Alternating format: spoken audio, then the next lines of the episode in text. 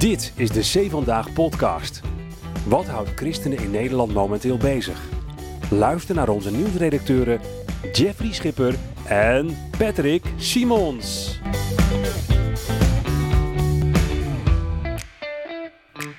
Duitse burgemeester steunt extreem linkse tegendemonstranten. Dominee Klaassen over de bikini en het verkiezingsprogramma van de ChristenUnie. Dit is weer een nieuwe C Vandaag podcast. Ja, je bent hier warm gemaakt, hè? Het rijmt. Oh, dat heb ik dus niet eens door. Dominee Klaassen in bikini. Of over, over de Dus bikini. ik krijg geen misverstanden zo. En het partijprogramma van de ChristenUnie. Ja, ja, ja, ja, ja. ja. Heb je over nagedacht, hè? Eh, ja, ja, ja. Soms moet je over dingen nadenken in het leven. Ja. Jawel. hey, maar voordat we gaan starten, Patrick. Het is een hele tijd geleden dat wij de podcast hebben opgenomen met Ja. z'n tweeën. En er is wat gebeurd in de tussentijd, hè? Als ik het heb over PSV bijvoorbeeld. Ja, we zijn geplaatst voor de Champions League, hè? Ja, ja. Begint vandaag, toevallig. Terwijl we Oh. deze podcast opnemen. is de Dus, eerste wedstrijd. dus ja, uit tegen Arsenal. En Dus na de- deze podcast is het met gierende banden terug naar eh, Tolen. En, dan de- eh, lekker eten klaarmaken. Lekker palingbak uiteraard als sale. En dan lekker voetbal kijken. lekker, lekker. En voor de mensen die geen voetbalverstand hebben, Champions League, dat is de top van de top van de top. Ja, daar spelen de beste van elk land. Dus in, Oh, ja. in, in Nederland zijn dat PSV en Feyenoord. Zo, zo. En die andere club doen niet mee. En hoeveel miljoen heeft PSV verdiend door zich te, plaatsen voor de Champions League? Voor mij is het gegarandeerd 40 miljoen. 40 Ook al miljoen euro, hè? alles. Ook al verlies je alles. Oh.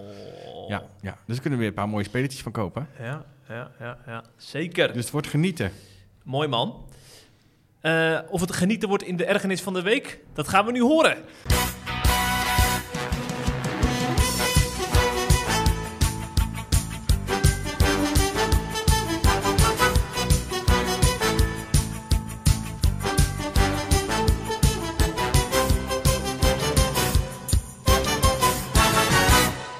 Wil het even hebben over hoogleraar en theoloog Stefan Paas. Ons niet onbekend natuurlijk. Die heeft namelijk eh, niet voor het eerst wat over ons gezegd op eh, social media. Nu mag hij van ons en van mij persoonlijk vinden, zeggen eh, en schrijven wat hij wil. Ehm, vind ik namelijk niet zo belangrijk. En hij is ook niet onze doelgroep en zal zich meer thuis voelen bij christelijke kwaliteitsmedia. Maar ehm, ik wil even wat context schetsen trouwens. Wij hebben eh, Stefan Paas, de heer Paas, meerdere keren gevraagd om een column te schrijven op 7 vandaag. Jij hebt dat gedaan, geloof ik, hè? Ehm, want laten we eerlijk zijn, het is een theoloog, het is een hoogleraar, hij heeft heel veel verstand van theologie. Eh, denkt soms dat hij ook heel veel verstand van andere dingen heeft, dat is wat minder, denk ik. Ehm, maar hij heeft bijna altijd, of heeft bedankt, of heeft hij echt altijd bedankt? Hij heeft nog nooit een column Oké, geschreven. hij heeft dus altijd nee gezegd en dan gaf hij als reden, Jeffrey. Hij bedankte Stefan wel heel vriendelijk, hè, trouwens, maar dan Ja. gaf hij als reden altijd ehm, geen tijd. Maar nou is de reden toch iets anders. Zo blijkt eh, uit een eh, tweet die hij plaatst op eh, X, het voormalig Twitter. Ik zeg het nog één keer. Ehm, wat was namelijk het geval? Jij hebt een podcast opgenomen met Jan-Willem Grievink. Dat is een topondernemer, voormalig directeur van de EO, alom gerespecteerd. Ehm, en die, had, die haalde nogal uit naar klimaatactivisten in die podcast. En daar reageerde Stefan Paas op. En eigenlijk meer op het feit dat wij deze man een podium geven. En ik citeer: Het is niet zo dat ze, en dat gaat de C, vandaag, dat ze alleen dit soort types laten leeglopen. Iedereen mag daar wel zijn zegje doen. Het probleem is meer het gebrek aan kwaliteitscheck. En nu komt het. Elke halve garen mag daar leeglopen. En dat schrikt anderen weer af die daar niet tussen willen staan. Nou, ik durf te wedden dat hij met die anderen zichzelf bedoelt. Dus dat hij eigenlijk zegt, ik wil daar niet tussen staan. Eh, dus eigenlijk zegt hij met andere woorden, Jan-Willem Griefink, nogmaals een zeer gewaardeerd ondernemer, voormalig directeur van de Jo, is een halve garen. Waar hij, er. waar hij niet naast op een website wil staan. Prima, maar zeg dat dan de volgende keer als we je vragen in plaats van eh, ik heb geen tijd. Hè? Want dat is uiteindelijk dus gewoon de reden geweest. Zeg dat dan gewoon eerlijk in plaats van ik heb geen tijd en nu op Twitter zoiets gaan zeggen. Al pleit ik ervoor dat er geen volgende keer komt. Want wat mij betreft, mensen die zo op andere mensen neerkijken, volgens mij alleen maar omdat ze een andere mening hebben, die hoeven wij geen platform te geven. Overigens, eh, tot slot, ik zag dat Paas wel eens eh, voor een eh, kwaliteits- een christelijk kwaliteitsmedium schrijft, het Nederlands Dagblad. Daar schrijft hij wel eens columns voor. Dus ik zou hem aanraden om eens te googlen op Griefink plus Nederlands Dagblad. Misschien raakt hij wel verrast.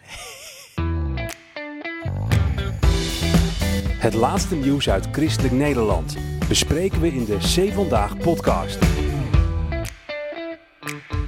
Voordat we over Dominee Klaassen en de bikini gaan spreken. Hey, nee, voordat we daar naartoe gaan, ik wil het even hebben over de ChristenUnie. Die hebben namelijk vorige week, ehm, of afgelopen, nou afgelopen, tijd hebben ze zowel eh, de kandidatenlijst als het verkiezingsprogramma bekendgemaakt. Eh kandidatenlijst vond ik best wel opvallend, want eh, huidige Kamerleden, die het volgens mij redelijk goed doen, zoals Nico Drost en Stineke van der Graaf, die staan relatief laag. Nico Drost op 6, Stineke van der Graaf zelfs op 9, dus die komt er sowieso nu in. En ik denk Nico Drost ook niet, want ze, staan, ze worden nu gepeld op ongeveer drie zetels. Ehm, en in plaats daarvan staan dus op nummer 4 en 5 eh, relatief onbekende en eh, nieuwe namen. Ik ben eigenlijk wel benieuwd naar de keuze, naar de eh, reden daarachter. Ehm, dus het is opvallend. Maar goed, ik wil het vooral over het partijprogramma hebben nu. En dan wil ik vier dingen uitlichten. Eén is het leven waar ChristenUnie voor opkomt. Twee, zorg voor elkaar, bestaanszekerheid. Eh, drie, vrijheid. En vier, en dat is misschien wel het belangrijkste, eh, buitenland. En dan bedoel ik christenvervolging eh, en Israël. Ik ga ze even heel kort, want ik wil het niet te lang bespreken. Want ik zou zeggen, ga naar onze website. Ik heb er een uitgebreid artikel over geschreven. Daarin worden deze punten allemaal heel uitgebreid uitgelicht. Het eerste, het leven. ChristenUnie komt in het partijprogramma uitgebreid op voor het leven. Vind ik heel mooi. Dus, en dan moet ik wel zeggen, het leven in de breedste zin van het woord. Dus ehm, Hoort de schepping ook bij. daar hoort de schepping ook bij. Allereerst natuurlijk abortus wordt erin genoemd. Eh, heel nadrukkelijk. Ze, eh, ook over euthanasie gaat het. Ze willen zowel abortus als euthanasiepraktijk willen ze zoveel mogelijk eh, inperken. Bij abortus willen ze bijvoorbeeld inzetten op het voorkomen van onbedoelde zwangerschappen... in plaats van het weghalen van een kindje, laat het maar even zo noemen. Ehm, en er staat ook in het partijprogramma, dat, daar ben ik blij door verrast... dat ze het leven, het recht op het leven... en daar staat nadrukkelijk bij vanaf de bevruchting tot de dood... eh, willen, wettelijk willen vastleggen. Oké. En in de grondwet zelfs. Dat vind ik, dat vind ik een heel mooi, eh, mooi punt van de ChristenUnie. Eh, maar zoals je al zei, naast het leven van de mens, van de bevruchting tot de dood, is er ook enorm veel aandacht voor de schepping. En dat is dus, daarmee, daarom zei ik, het leven in de breedste zin van het woord, voor de planten, voor de dieren. Ehm, het verkiezingsprogramma bevat een afzonderlijk hoofdstuk over rentmeesterschap, waarin allemaal voorstellen staan op het gebied van duurzaamheid, dierenwelzijn en eerherstel voor de natuur. Het tweede, dat is natuurlijk eh, typisch eh ChristenUnie, moet ik wel eerlijk zeggen, eh, is dat ze zich onderscheiden op het gebied van zorg voor elkaar en bestaanszekerheid. Dus Dat wordt weer vaker de laatste tijd, hè? Bestaanszekerheid. Zo, weet je wie het het vaakst gebruikt in de Tweede Kamer? Het stond in de kwaliteitsrand, stond ja, het. PvdA was het, Ja, hè? ja, ja. Hebben ze zelf ook flink gedeeld, hè, de PvdA. Ja, ja. Jongen, nee, die Marjolein Moorman, ja. Ja. Enfin, dat is hij. De CU onderscheidt zich echt op dit punt niet nu, al jarenlang. Eh, eh, ik zou zeggen een echt links, een echt links, links standpunten zijn dat. Al noemen ze het zelf volgens mij christelijk-sociale standpunten. Hè? Ja, christelijk sociaal, ja. Ja. Ehm, nou, ze willen meer ruimte voor families, meer ruimtes voor gezinnen. Ze willen dat mensen voor elkaar opkomen, dat er ruimte voor komt financieel.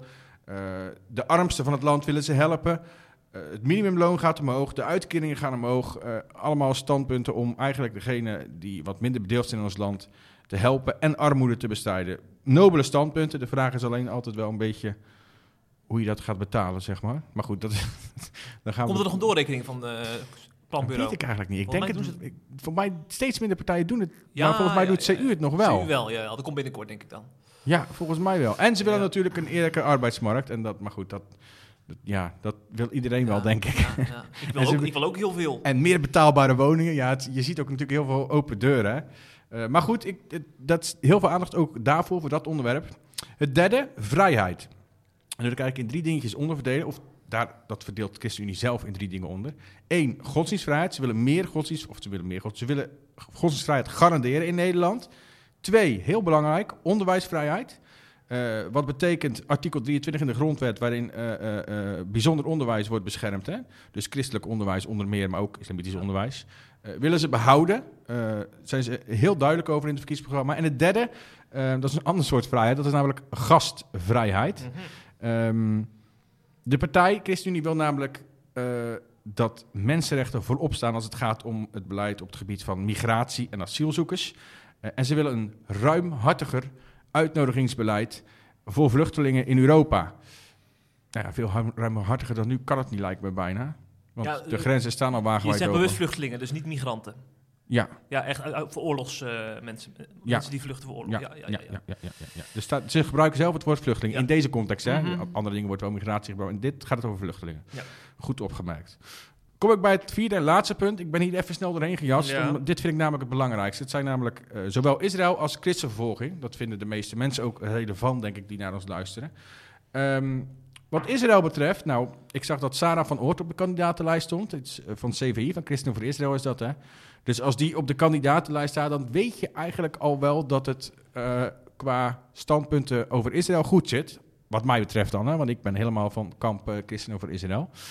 Ehm, en dat kan je inderdaad ook zien. Uh, de ChristenUnie stelt, staat voor politieke steun aan de staat Israël, staat er heel bewust. En, en dat vind ik altijd wel mooi, ze willen nog steeds dat uh, de ambassade van Nederland, de Nederlandse ambassade in Israël, naar Jeruzalem gaat. En Kijk. daar staat ook weer nadrukkelijk bij, want dat is de ongedeelde hoofdstad van Israël. Een Trump-standpunt in het CU-programma. Harde woorden ook, omdat ik weet dat er een flink gedeelte van de achterban daar niet helemaal achter staat. Mm. Die zijn toch wat uh, steeds wat schuiven toch wat meer uh, de andere kant op qua Israël-standpunt. Dit is het klassieke Israël-standpunt eigenlijk, hè? Dat is dus behouden gebleven. Daar ben ik heel erg blij om. Stefan Paas niet trouwens, hè? Die vindt het verschrikkelijk, dit, dit punt. Ja, maar die vindt alles verschrikkelijk. Maar dan kom je hier nou ook weer op terug. Ja, heb ik net mijn hart gelucht. Ja, maar die man zit in mijn hoofd nu door die ergernis. Dus ja, dat krijg je. Eigenlijk doen we, doen we de podcast nu met z'n drieën. Ik, ik spreek ook namens Stefan Paas nu. Ja. ja. Dan klik ik bij deze de negeerknop aan, zoals okay, op Twitter. Oké, hey, maar waar ik minder blij mee ben bij de ChristenUnie... is uh, uh, de aandacht die ze besteden in het partijprogramma aan, christen, of aan christenvervolging. Want ik ben echt...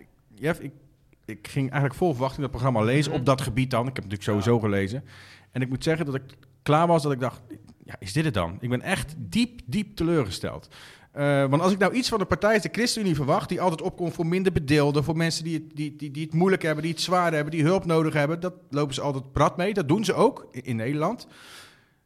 En had ik juist van zo'n partij verwacht dat ze heel uitgebreid stilstaan in een partijprogramma en opkomen voor en voorstellen doen voor uh, vervolgde christenen. En dat staat er echt amper. Sterker nog, en nou ga ik even uh, PvdA'tje spelen. Het woord christenvervolging komt niet in het uh, programma voor. Nu zegt dat, zeg ik gelijk bij, niet alles.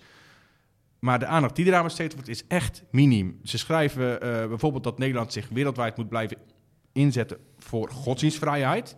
En dan worden er voorbeelden van landen genoemd die ook hoog in de, in de ranglijst christenvervolging staan. Noord-Korea geloof ik, Afghanistan, China, Pakistan. Maar, en daar maak ik me juist zo giftig om, geen enkel woord over de genocide op zwarte christenen in Afrika, die al jaren aan de gang is, die steeds heftiger wordt. Ik heb het er heel vaak over in de podcast, ja. bewust. En er staat in het partijprogramma van Nota Bene, de ChristenUnie, geen woord over de christenvervolging die daar plaatsvindt. En ik noem het eigenlijk, net noem ik het genocide, dat is misschien een beter woord dan christenvervolging. Ik snap niet hoe zo'n partij, hoe zo'n ruimhartige partij niet opkomt, althans in het partijprogramma, laat het duidelijk zijn, dat doen ze wel degelijk, maar dat er in het partijprogramma niet veel aandacht is voor hun zwarte broeders en zusters die zo hard lijden onder vervolging, onder geweld, uh, die gewoon afgeslacht worden, verkracht worden, ontvoerd worden, uh, ontheemd worden, hele dorpen worden vernietigd. En er is zo weinig aandacht. Niet één, alleen maar één algemeen zinnetje in je programma. Ik echt, terwijl, ik ben nog niet klaar, uh, andere onderdrukte minderheden, uh, Rohingya, Jezidis, de Armeense bevolking, worden allemaal in aparte paragraafjes in het partijprogramma besproken. Vind ik heel goed, laat dat duidelijk zijn. allemaal onderdrukte, Oeigoeren worden ook nog genoemd.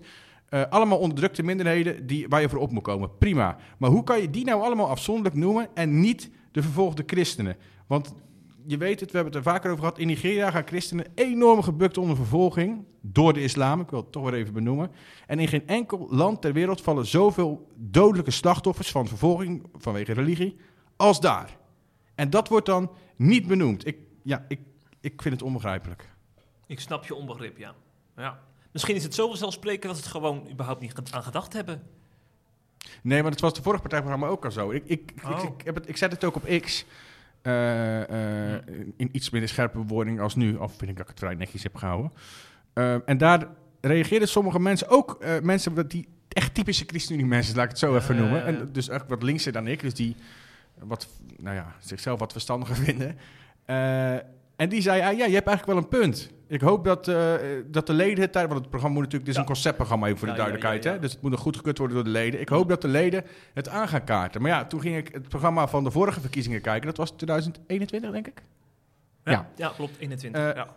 Zo, het kabinet heb het niet lang volgehouden, inderdaad. Nee, nee, nee. Maar, en daar stond precies dezelfde indeling in. Ook daar niet zo concreet gemaakt. Dus ik, ja, ik, weet niet, ik weet ook niet waarom zou ze de islam niet durven benoemen. Dit is wel een hele grote aanname. Ik heb een idee. Als jij nou even twee maanden lid, van de- lid wordt van de ChristenUnie, dan kun je op het congres kun je motie indienen Ja. en je dan al afmelden als het gedaan is. Nee, gaan we niet doen. Oké. ik weet even niet of dat kan Ik trouwens. moet onafhankelijk blijven, Jeffrey. Hey, hey, heel goed. Ja, Ik ben- ik ben eens- stukje schrijven. Ik ben wel eens lid geweest van eh, een politieke partij, maar dat gaan we niet meer doen. Nee, dat was de laatste keer. Ja. En nooit meer. Ja. Je kan ook nog lid worden van de gereformeerde gemeente. Ja, eh, ga je nou, ja, ik kan ook lid worden van Ajax. Hè? nou hebben we alles gehad. Ajax, Gergem, SCU. Wel divers Mooi- mooi rijtje, Heel mooi rijtje. prachtig, maar ik word ge- geen drieën lid. Nee, nee, nee, nee, precies. Dominee Vreugdeheel is nog altijd wel lid van de gereformeerde gemeente. Hij Nou. is... eh, Ten nauwe nood, hè? Ja, ja, ja, ja, ja. Dominee Vreugdeel is in het nieuws deze week bij C Vandaag. Eh, dat heeft alles te maken nog altijd met die roemruchte lezing van eh dokter Gert van der Brink... die vorig jaar eh, het evangelie zonder kleine lettertjes... daar eh, de noodklok luidde over prediking in de rechterflank van de revelgezind. Hè, dat daar te eenzijdig en zelfs vals wordt gepredikt over het evangelie. Omdat ja, de uitverkiezing boven het evangelie staat. Daar komt het zo'n beetje op neer. En daardoor heel veel mensen niet op Jezus worden gewezen. Gaan we het er nou weer over hebben? Hoor ik sommige mensen al denken. Ja, want onlangs kwam dominee Vreugdeel in een preek. Je kan mensen niet horen denken. Dat denk jij. Nee, dat hoor ik. oh nee, we mogen niet meer lachen tijdens deze serieuze onderwerpen. Oh ja, ja. Als het over de gemeente gaat, we gaan lachen, worden mensen altijd boos. Je krijgt wel eens mailtjes, ja. Dan hebben we het over de griff in de gemeente. En dan maak jij een klein grapje. en dan, En dat is precies wat ik nu doe. ja, ja, ja, Ja. dan krijg ik mailtjes, ja. Spijt me, blijf het toch doen. Ja. Eh dominee Vreugdeel kwam er in een preek onlangs op terug. En hij zei het volgende. Als je het opneemt voor de naam van de Heer Jezus, dan komt er toch vaak vijandschap openbaar. We hebben dat net gezien. Een dienstknecht is niet meer dan zijn Heer. Ook soms vijandschap in zogenaamd kerkelijk rechtzinnige kringen. Waar de godsdienst van het vlees regeert en men niet geleerd heeft om genoeg te hebben aan het kruis van de Heer Jezus Christus. Ongekend fel kan opeens die vijandschap toeslaan. Net als hier bij de Joden. Een jaar geleden toen dominee Gert van der Brink eh, een lezing hield voor de jeugd. En ook, eh, nou u weet dat wel. En als u er eh, geen verstand van hebt, dan geeft dat ook niet. Maar die, die stelde wat dingen aan de kaak van, hé, hey, klopt dat wel en klopt dat wel? Zitten er ook niet veel dwalingen in ons kerkelijk leven? Nou, dan krijg je wat over je heen. Vraag het maar. Maar lees maar wel ook de boekjes die hij daarover schrijft. Er komt weer een nieuw boekje uit. Want eh, daar kun je toch veel uit leren. Ja, hij raadde dus zijn kerkgangers aan om de boekjes van Van der Brink te lezen. Daar kun je veel van leren. Eh, maar die opmerking kwam ook te sprake op de predikantenbijeenkomst van de Gereformeerde Gemeente. En daar heeft broeder Vreugdeheel, zo staat het in de saambinder, het blad van de GGM, spijt betuigd. Ik citeer even uit het blad van de GGM, dan doe ik het zo correct mogelijk. Broeder Vreugdeheel sprak zijn spijt uit over zijn woorden over Van der Brink, die via C vandaag in omloop, omloop zijn. Zijn we toch genoemd in de Ja, samenwerking? ja, ja, ja. Het is nooit zijn bedoeling geweest het op te nemen voor Van der Brink's verwarrende uitspraken. Ja. Verwar- Staat er ook een naam bij? Nee, nee, nee, nee, dat, doen ze niet, hè? Nee, Ja, dat doen ze niet. ja, doen nee. wij ook niet trouwens. Nee. Wij nee. schrijven ook vaak... Een redactie, hè, is het dan. Ik vaak. Eh, ja, dus wij hebben vervolgens eh dominee Vreugdeheel benaderd van ja, we gaan dit toch als nieuws brengen, want eh, dat Ja. is, dit is gewoon nieuwswaardig. U, als u spijt betuigt over een uitspraak, over een discussie waar heel re- de rechterflank van de, van de Revelgezinte mee bezig is. Ja. Eh, dus dat hebben we gebracht. Het is een spijtbetuiging. En hij voegde nog iets toe in het C Vandaag bericht. Op persoonlijke titel. Voor theologen blijft het interessant om van, van de Brinks visie op het aanbod van genade kennis te nemen. Voor eenvoudige gemeenteleden kan verwarring het gevolg zijn als ze verschil ontdekken bij de uitleg van de Dordtse leerregels. En vooral die laatste ik, zin. Vind, ik, vind, nou, ik vind sowieso deze hele uitspraak vind ik behoorlijk eh, gevaarlijk. Dit neigt een beetje terug naar de, naar de katholieke kerk vroeger. Hè? ik Jullie zijn te dom eh, om te begrijpen. Dus ehm, laat ons maar de Bijbel lezen. Laat ons maar eh, eh, bepaalde theologische standpunten be- begrijpen. En dan leggen wij wel aan jullie uit wat de goede zijn. Dat, Ja. dat, dat, ik weet dat het een hele lieve, aardige man is die niet zo is. Maar zo komt het dit wel over. Ja. Ja. Dus Ja. dat is echt, echt gevaarlijk. Ja. Ik zou bijna zeggen omgekeerde reformatie. Ja, ja, ja. Ja, dat zullen wel meer mensen zeggen. Dat een gegem roomser is dan, eh dan menig gegem zelf door heeft. Nou, In de manier ja, van dit, dit, dit zeker. Ja. Echt, echt, tjoh. Ja, ja, ja. Ehm, ja, ik vind het wel een beetje... eh, wel- wat ik dan lastig vind, is dat mensen dan eh eh dominee Vreugdeheel van alles verwijten. Maar die man ligt natuurlijk enorm onder vuur hè, in, de, in de GGM. Ja. Eh, dus hij zit in de, rechter, in de linkerflank van de, van de gemeente, terwijl de rechterflank daar een beetje de basis is, in het curatorium en in de synode en zo. Dus alles wat hij zegt wordt, daar- wordt onder een vergrootglas gezet. En vervolgens krijgt hij echt, dat heeft hij van deze week ook weer laten weten, krijgt, de hele dag door krijgt hij mailtjes. Dan weer van die partij die niet tevreden zijn over zijn uitspraken. Dan weer van die club die niet tevreden is met zijn uitspraken. Arme man. Dus het is ook wel echt. eh, hij is eigenlijk slachtoffer van deze discussie, vind ik een beetje. Wat mij trouwens wel opviel aan de reacties onder ons eh, nieuwsbericht, is dat mensen behoorlijk er doorheen prikken hè, over, door die steenbetuiging. Of door, die spijbetuiging. Kees van der Vliet schrijft bijvoorbeeld. Nou, weten we ook weer hoe ze rollen bij de GGM. De uitspraken van Vreugdeel waren niet mis te verstaan, evenals deze rectificatie die daar dwars tegen ingaat. Van de Brink is in het geheel niet verwarrend, maar in strijd met wat bepaalde predikanten vinden dat van een GGM-kansel verkondigd moet worden. Ja, die, die reactie roept enorm veel herkenbaar op bij GGM'ers die ons lezen. Eh, want die kennen dat wereldje natuurlijk van binnenuit. Eh ik citeer nog een laatste reactie, dat is die van Elisabeth Maassen. Zij schrijft, jammer dat dominee Vreugdeheel toegeeft aan de wens van de GGM. Dit is niet de eerste keer en dan verwijst ze naar de herziene statenvertaling. Want in 2010 kwam de herziene statenvertaling uit en zat dominee Vreugdeheel in het hoofdbestuur van die stuurgroep die over die herziene statenvertaling ging. En hij trok zich op uitdrukkelijk verzoek van de gereformeerde gemeentesynode eruit terug. Want de leiding van de GGM heeft grote moeite met de HSV, die te veel is aangepast aan de taaleisen van deze tijd. En toen heeft Vreugdehul, Vreugdehul, Vreugdehul, Vreugdehil zich teruggetrokken uit het eh, hoofdbestuur. Hey, laten we even, we, draaien een beetje om de hete Brian. Ja. Wa- waarom denk jij nou dat hij eh, die woorden terugtrekt? Of net als toen dat hij zich terugtrekt. Wat is nou de reden daarvan? Ja. Wat is dan gebeurd achter de schermen? Wat denk je? Ik denk, ja, wij, wij kennen een aantal dominees die echt wel aan de knoppen draaien binnen de GGM. Mhm. dat, dat die dan naar Vreugdehil gaan en hem zo onder druk zetten... dat hij het gevoel krijgt dat hij wel met hem mee moet Dus gaan... wordt- anders wordt hij zijn Ja, afgenomen. precies. Dus Dat denk ik. Ja, dat denk ik. Ja, weet je, dus heb je geen aan. Nee. Dat is gewoon je eigen gedachte, even voor de duidelijkheid. Ja, het is ja, niet ja, dat je ja. er aanwijzingen voor hebt. Nee. Dus het is geen bewering, het is gewoon wat jij denkt. Ja, ja. En we weten ook hoeveel macht er uitgeoefend kan worden hè, op een mens als Vreugdeheel. Want die verhalen zijn er in omloop. Zeker in onze achterban. Ja, maar Dus- dan is zijn preekbevoegdheid dus schijnbaar heel belangrijk voor hem. Ja, daar had jij een hele mooie app over tegenover mij eh, van de week. Dat, juist dat dat ook wel een mooie kant is van Vreugdeheel. Want hij, Ja, ja, maar dat is ook weer. Dus we praten nu op wat wij denken. Hè? Ja, ja, ja, Althans, ja. Het is wel een beetje op onze ervaring en mensen die we kennen gestoeld. Maar het is niet dat we het hard kunnen aantonen. Ehm, ik denk dus, ik denk hetzelfde als jij, hè, dat er inderdaad gewoon heel zware druk op hem uit wordt geoefend. Eventueel met je raak je kwijt. En die wil hij hebben, want eh, vermoed ik is zijn gedachte. Want ik zou je vertellen, zijn prediking ligt niet ver bij de prediking van Van de Brink vandaan. Hoor. Nee, nee. Ehm, en ik, en de, eh, heel veel van de andere prediking in die kerk wel. En ik denk dat hij eh, die preekbevoegdheid zo graag wil houden, omdat hij dan denkt: ik wil het evangelie in deze kerk blijven verkondigen. Dat hebben de mensen nodig in deze kerk. Ik denk dat dat de reden is dat hij. eh, en, en dan maar je woorden terugnemen. Ja. Ik denk dat dat een beetje de reden is, ja. Overigens, we hadden het net over het wordt steeds meer de Rooms-Katholieke kerk, hè? Dus eigenlijk. eh, eh, omgekeerde reformatie, zei ik. Dat Ja. vond Stefan Paas ook. Daar komt hij weer. Oh, En daar reageerde vervolgens eh, ehm, Jan-Jaap van Peperstraat op. Die schrijft Priester. ook, de priester, ja, die schrijft van Alkmaar, geloof ik uit mijn hoofd. Ja. Schrijft ook wel eens op Zeven Dagen, hè, columns. Hij zegt, in de Rooms-Katholieke Kerk was het argument tegen Bijbellezen dat de Bijbel verkeerd begrepen kon worden. Op zich genomen was dit een prima argument. dat zegt Jan Jaap. Ja, Moet hij ook bij een column over schrijven dan? nou, ik vind het een, goed, ja, Ja. Want dan zou je dit ook, dus dan zou je de, de woorden van eh Vreugdeel eigenlijk, of ja, dan zou je dan ook serieus, dat, die ik net niet heel serieus nam, van de mensen zijn een beetje te dom om het te begrijpen. Mhm. Dus we begrijpen het verkeerd. Dat is eigenlijk Ja. wat hij ook zei. Hè? Ja, dus dan, ja, waar ik aan in eerste instantie tegen in opstand kwam, zeg hij van, nou, op zich is het een prima argument. Misschien moeten we hij, hem eens om een column vragen. Dan kunnen we dit als aanleiding gebruiken.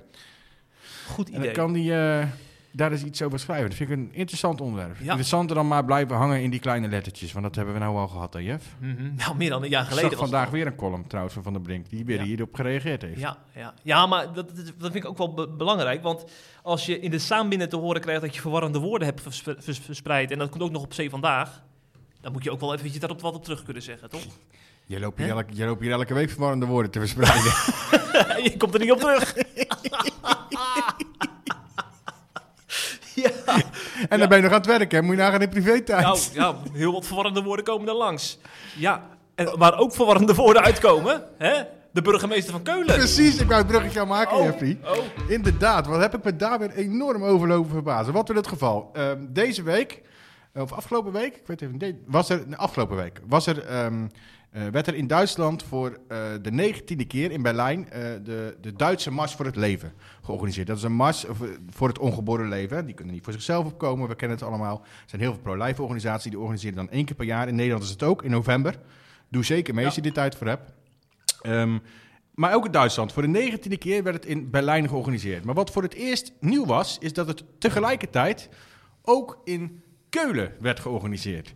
Eh, en wa- kwamen best veel mensen op af, maar niet alleen maar eh, mensen die mee wilden doen aan de demonstratie, maar ook eh, tegendemonstranten, zeg maar. En dat waren, kort gezegd, extreem linkse tegendemonstranten. Ze worden queer feministen. Ja, ik, ik heb helemaal geen zin om het uit te leggen ook. Het is een hele extreem linkse groepering van het, van het, van het, van het LHBTI-alfabet.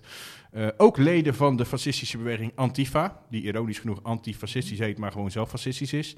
En die waren aanwezig om eh, eh, met maar één doel de Mars voor het leven in Keulen zoveel mogelijk te dwarsbomen. Wat deden ze? Ze kwamen regelmatig op de route waar de Mars doorheen liep, gingen ze de straat bezetten, gingen ze op straat staan of zitten, dicht tegen elkaar aan, dat ze niet langskomen. De politie moest meerdere malen ze verwijderen van de route, zodat de Mars voor het leven gewoon door kan gaan. Voor de duidelijkheid, vreedzame demonstranten, die Mars voor het leven. Niet mensen die heel hard... eh, naar iedereen roepen dat ze moordenaars zijn. Niet mensen die met grote afbeeldingen lopen van dode foetussen of, dode foetussen of ze in, in, in, in mensen de gezicht gooien of zo. Gewoon vreedzame demonstranten voor het leven. Eh, en uiteindelijk kregen die tegendemonstranten zelfs de zin, want de politie besloot dat op een gegeven moment dat het niet veilig genoeg meer was en eh, eh, eh, vroeg aan de, aan de deelnemers van de Mars voor het Leven of ze terug wilden gaan naar het beginpunt van de Mars voor het Leven. Dus niet meer hun mars af konden maken. Dus uiteindelijk slaagden de extreem linkse tegendemonstranten erin om het te dwarsbomen. Dat was nog niet klaar, want bij het beginpunt begonnen ze weer moeilijk te doen. En soms werd het echt fysiek, moest de politie fysiek optreden om ze tegen te houden. Waar er zelfs wat, wat, wat, wat, nou echt vechtpartijen kan je die noemen, en rellen ook niet, maar wat, wat, laten we het ongeregeldheden noemen. Ongeregeldheden waarbij de politie eh, meerdere malen fysiek eh, in moest grijpen. Als je dit bekijkt, dan kan je eigenlijk zeggen dat die tegendemonstranten, en ik noem het gewoon extreem links tuig van de rigel, die hebben het grondrecht van die mensen die aan de mars deel wilden nemen of deelnamen, hebben ze ingeperkt. Want in, ook in Duitsland is eh, het recht op demonstratie een grondrecht. En zij hebben met hun acties voorkomen dat eh, de mensen die deelnamen, dat de pro-life activisten, de pro-life demonstranten konden demonstreren. Dus ze hebben een grondrecht van mensen ingeperkt. En wat schetst dan mijn verbazing? De burgemeester van Keulen, die prijst de extreem linkse tegendemonstranten, die dus bezig zijn met het inperken van grondrechten van een andere groepering. Wat, wat is namelijk het geval? Ze schreef op Facebook, en ik citeer, schreef ze een statement over wat er gebeurde. Citaat. Uiteindelijk wil de Mars voor het leven ervoor zorgen dat vrouwen geen zeggenschap hebben over hun eigen lichaam en gezondheid. Niemand heeft dat recht. Ik denk dat het goed is dat veel mensen in Keulen zich hiertegen verzetten. Een burgemeester, hè? Een burgemeester. Die, staat- die staat boven de partijen. Ja, een burgemeester. Ja, echt, echt bizar. Die, mensen prijs die geen enkel middel schuwen om de grondrechten van andere mensen in te perken. Waarom? Alleen maar omdat hun mening hen niet bevalt. En omdat hun mening schijnbaar ook de burgemeester niet bevalt. Overigens, nu we het over die grondrechten van demonstratie hebben. Ik heb nog niet gezien of Amnesty erop gereageerd heeft. Want die zijn er altijd als de kippen bij als er eh, eh, bij klimaatdemonstraties de politie terecht ingrijpt omdat de wetten worden overtreden. Dan zeggen ze eh demonstratierecht wordt overtreden of wordt eh, ingeperkt. Hier heb ik ze nog niet gezien. Ik ben benieuwd of ze nog gaan komen. Ik ben bang van niet. En dan het meest luchtige item van de podcast. Het is trouwens, volgens mij heb ik gewoon vier keer het eigen in schouder, of niet? Jij verstopt je ergernissen gewoon in het nieuws. Ja, ja er Ja, waren zoveel ergernissen. ja, ja, ja. ja. Dus Kom, het is misschien nu, ja. De vraag is of er nu nog eentje bij komt, dan we gaan het over Dominic Klaas en de bikini hebben. De bikini moet uit, toch? Ja, ja, ja. Dat ja. is niet erg. Dominee Klaassen verbaast zich over de acceptatie van bikinis onder christenen. Dat bleek onlangs uit een eh, preek die hij hield. Mensen denken dan gelijk dat hij, dat hij 45 minuten over de bikini heeft gepreekt. Dat is natuurlijk niet zo. Dat is onderdeel van een heel... Ja, alleen wij pikken alleen dat stukje eruit. Precies. Ja, ja, Ja, jij? Zee vandaag, hè? jij. Niet zee vandaag, jij. Of ga je nu zeggen, ik ben zee vandaag? Nou, laten we even, misschien ook even reclame maken voor een YouTube-kanaal dat best wel knap eh, aan de weg aan het timmeren is. Dat is Evangelie Herauten. Die, die knippen dus allemaal preekfragmenten. Dat zijn er soms wel zes, zeven op een dag. Ja. Uit het predik, preken van Revo-dominees. Ja. En er zitten ook heel veel eh, fragmenten bij waarbij je denkt van... Niet alleen maar Anekdote. Ja, inhoudelijke mooie Ja, verhalen. mooie les uit de Bijbelverhaal. Niet alleen maar rellige bikini stukjes. Nee, nee, nee. Er zitten er soms ook even... Die zijn altijd van Klaas, dat valt me op. Die zitten er af en toe ook wel eens tussen. Misschien heeft hij daar ook wel heel vaak over. Ja, dat, ja, dat valt wel. Zou, zou kunnen hoor. Ja, ja, ja, Het is maar een idee. Ja, nou laten we horen wat hij onlangs zei dan in, in een preek. En waarbij de bikini dan voorbij kwam. Je weet misschien wel, de bikini is in 1946 ontworpen door een Franse modeontwerper, Louis Réard. Maar wist u, toen dat ding klaar was, dat er in Frankrijk niet één model bereid was om hem te dragen? Zo ongepast vonden ze het. Het was uiteindelijk een Franse naakdanseres, Micheline Bernardini, die als enige bereid was zich zo te vertonen. Er werd schande over gesproken. Vele landen in Europa verboden het om een bikini te dragen. Want ja, het principe van een bikini is natuurlijk zoveel mogelijk van je lijf laten zien met zo weinig mogelijk stof.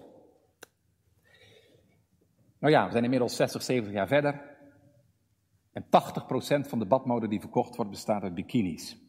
En het is soms bijna moeilijk om voor je kinderen nog een fatsoenlijk badpak te vinden. En je moet ze de kost niet geven in onze kerken die ermee lopen. Zo, wat vind je daarvan? Wat ik inhoudelijk van zijn eh, opinie over de, over de bikini vind. Ja. Ehm, ja, ik kan er niet echt over oordelen, want ik, ik kom niet zo heel vaak in winkels. eh, Kom je wel eens op het strand? eh, te weinig om, dit, om hier een oordeel over te hebben. Je gaat, maar als je naar het strand gaat met je vrouw, Ja. dan loop je vrouw in een bikini. Eh, nou, een badpak denk ik. Hoor. badpak. Ja, ze vinden een bikini, bikini Is, daar een verschil tussen bikini en badpak? Ja, dus je lichaam meer bedekt door een badpak. Ja, maar dat is toch ook heel strak? Ja, nee, alles is strak op het strand. Ja, nou, dat precies. Ja, ja, ja. Maar ik heb ook het En idee... dan zijn er toch andere mannen die naar je vrouw kijken. Oh, vast. Ja, En dat, ja. dat vind je niet... Als, als ijsje gaat halen, dan zie je, de, zie je de hoofdjes zo en dan dat van links en je- rechts dat gaan. vind jij niet erg. Eh, zolang ze van eraf blijven. Oh ja, echt? Ja, weet je wat het is? Ik heb altijd wel onderscheid gemaakt tussen iemand met je ogen uitkleden, dus echt begeren, en iemand gewoon aankijken omdat... eh, Dat is een mooie billen hebt. Ja, maar dat is toch een verschil? Ja, weet ik het. Ik ben niet getrouwd. Ja, ik vind het wel wat anders, ja. Volgens mij is niets menselijks ons vreemd. Ze zien op als, wij, als je met de trein reist, zie je altijd wel ergens een mooie vrouw lopen. Utrecht Centraal of zo. is van Reen een mooie column over geschreven. Oh ja, oh ja. Nou, dan zitten ze in de trein. Staan- Nou, de- de- Stel, Ja. Van Renen en Klaas zitten samen in de trein. ja, ja, ze zien een mooie vrouw, een oog valt erop. Nou, dan is je blik eventjes op Dat zegt hij ook, hè? Dat zegt hij ook. hè? Ja, ja. Maar dat is wat anders dan je met, met de ogen die vrouw uitkleden en en erover gaan fantaseren. Dat is echt wat anders hoor. Maar heb je die keuze?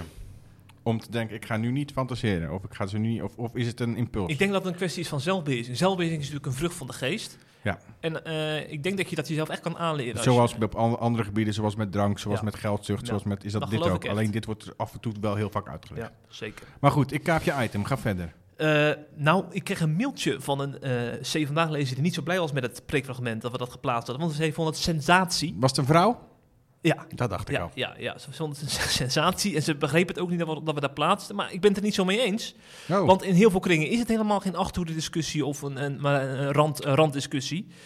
Eh, ik kan me een boek herinneren van dominee C.P. de Boer, getiteld Kleren maken de man of vrouw.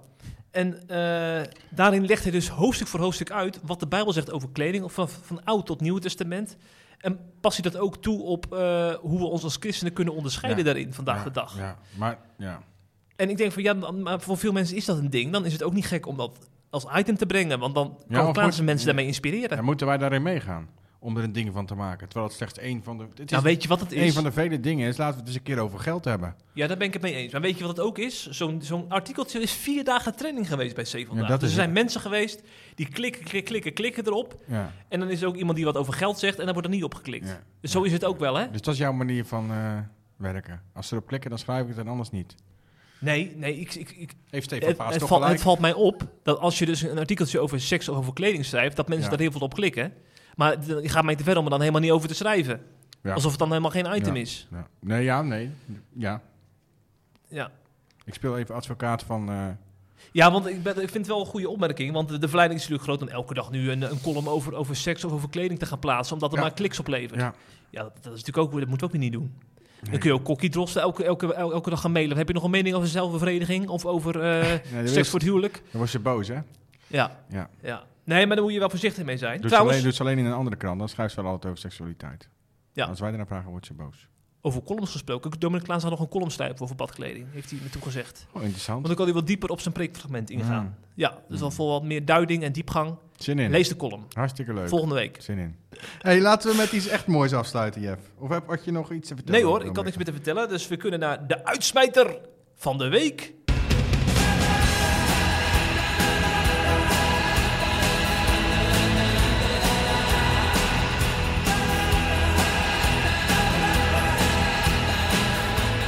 Oh, dit zal jou goed doen. Ja. We gaan het over een oud. PSV-voetballer Ja, hebben. komt nog steeds voor in een liedje wat ik regelmatig in het stadion zie. Ja? Heeft hij zoveel indruk gemaakt in Eindhoven dat hij nog steeds eh, in liedjes voorkomt, die man? Ja, we hebben een van de beste spelers die we ooit gehad hebben, Ja, Jeffrey. we hebben het over, natuurlijk over Ronaldo Nazario. Want je hebt meer Ronaldo's. Niet Ja. Cristiano Ronaldo, maar Ronaldo Nazario wordt ook wel eens ge- ge- ge- gezien als de dikke. Ja, nu de dikke, ja. Ja, omdat hij een beetje aangekomen is. Ja, een beetje. Maar eh, deze man die is niet in het nieuws vanwege zijn voetbaltalent, maar vanwege een doop in de Rooms-Katholieke Kerk in Brazilië. Zeker. Bijzonder, hè? Heel mooi. Ja, de doop heeft daar plaatsgevonden en eh, een aantal christelijke media heeft daarover bericht. En ik citeer daar eens eventjes uit, eh, want Ronaldo zei het volgende. Ik vernieuw mijn verplichting de weg van het goede te gaan, uit vrije wil en in geloof in de liefde van Jezus, in de liefde van solidariteit. En daarom heeft hij zich laten dopen. Want hij was altijd wel eh, van het christelijk geloof, maar hij heeft zich nog niet gedoopt. En dat moment vond dus op 46-jarige leeftijd vorige week plaats.